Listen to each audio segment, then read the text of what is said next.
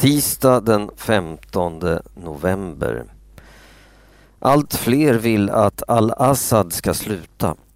I många månader har folket i Syrien protesterat mot ledaren Bashar al-Assad. Människor vill ha demokrati och frihet. De kräver att al-Assad avgår.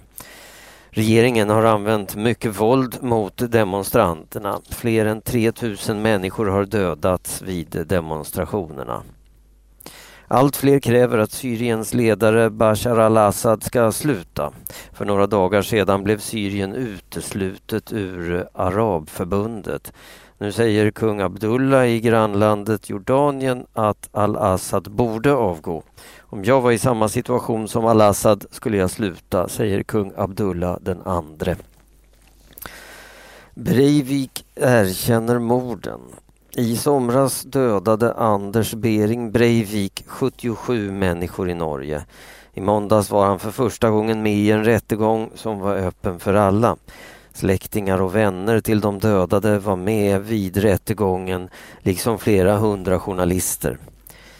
Vid rättegången erkände Breivik att det var han som dödat alla människorna. Men han sa att det skulle vara fel att straffa honom.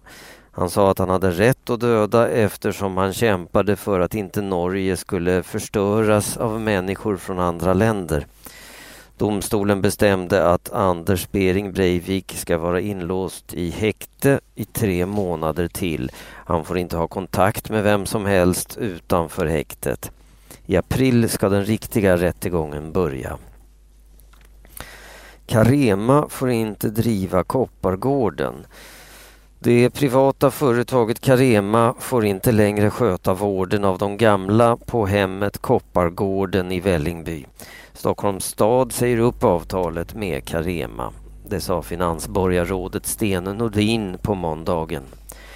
Den senaste tiden har det kommit fram att Carema har misskött jobbet. Flera av dem som bott på Koppargården har blivit dåligt behandlade. Nu blir det kommunen som ska sköta Koppargården.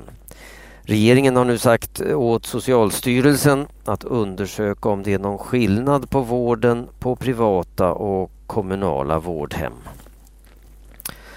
Finländsk skidstjärna fast för dopning.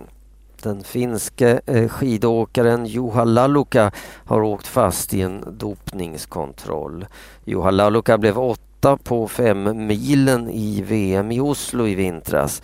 Han åkte också i det finländska laget som var nära att ta medalj i stafetten. Han, han vann de finska mästerskapen på fem mil.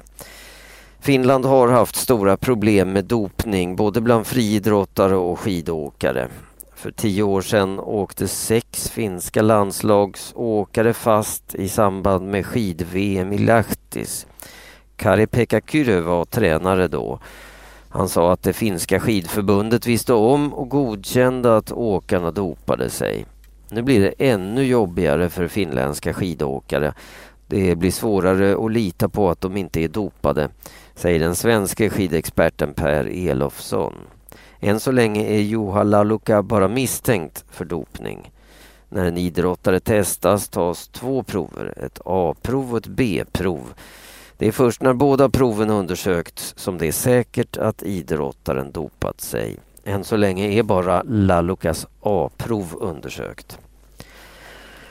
Fullt med småtorsk i havet. Havet utanför Bohuslän på västkusten är fullt av torsk. Experterna säger att det inte funnits lika mycket småtorsk i havet på 20 år. Det här är en väldigt glad nyhet. Det har varit brist på torsk i havet och en del har varit rädda för att fisken skulle försvinna helt. Lärare sätter fel betyg. Det är mycket stora skillnader mellan hur olika lärare sätter betyg. Ofta sätter lärarna för höga betyg. Det visar de kontroller som Skolinspektionen gör av de nationella proven. En uppsats som skolans lärare ger det högsta betyget kan bli underkänd när den rättas av en lärare från Skolinspektionen.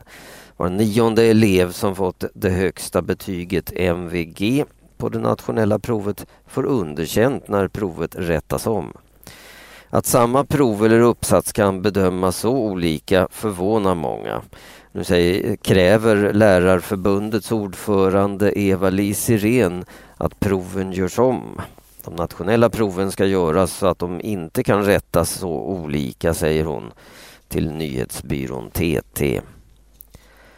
Rättegång mot sjuksköterska. Emil Linnell var 23 år när han dog i sin lägenhet i januari i år. Han hade svårt att andas. Men när han ringde SOS Alarm fick han inte den hjälp han behövde. Sjuksköterskan ville inte skicka någon ambulans trots att Emil ringde två gånger och bad om hjälp. Två timmar senare hittade en granne Emil död i lägenheten. Hans mjälte hade brustit. I veckan började rättegången mot sjuksköterskan. Åklagaren säger att det var sjuksköterskans fel att Emil dog. Vattnet är kvar i Thailand. Människorna i Thailand plågas fortfarande svårt av översvämningar. I 22 av landets 77 landskap är problemen fortfarande stora. 13 miljoner thailändare har drabbats av översvämningarna. Fler än 500 människor har dött. Vattnet är fortfarande kvar i Bangkoks förorter. I de centrala delarna av staden är det torrt. Årets julklapp blir en matkasse. Vad är det som blir årets julklapp i år? Ja, det vet vi ju som vanligt först efter jul. Då kan vi se vad, vad det var för något som var den populäraste saken att ge bort. Men folket på organisationen HUI Research vill inte vänta. De gissar varje år vad som ska bli årets julklapp. Det är 24 gången som eh, HUI eh, utser årets julklapp. Första året var det bakmaskinen som HUI trodde starkast på. Förra året var det surfplattan. I år är den färdigpackade matkassen årets julklapp, säger HUI. Färdigpackade matkassar med recept har blivit en succé hos kunderna.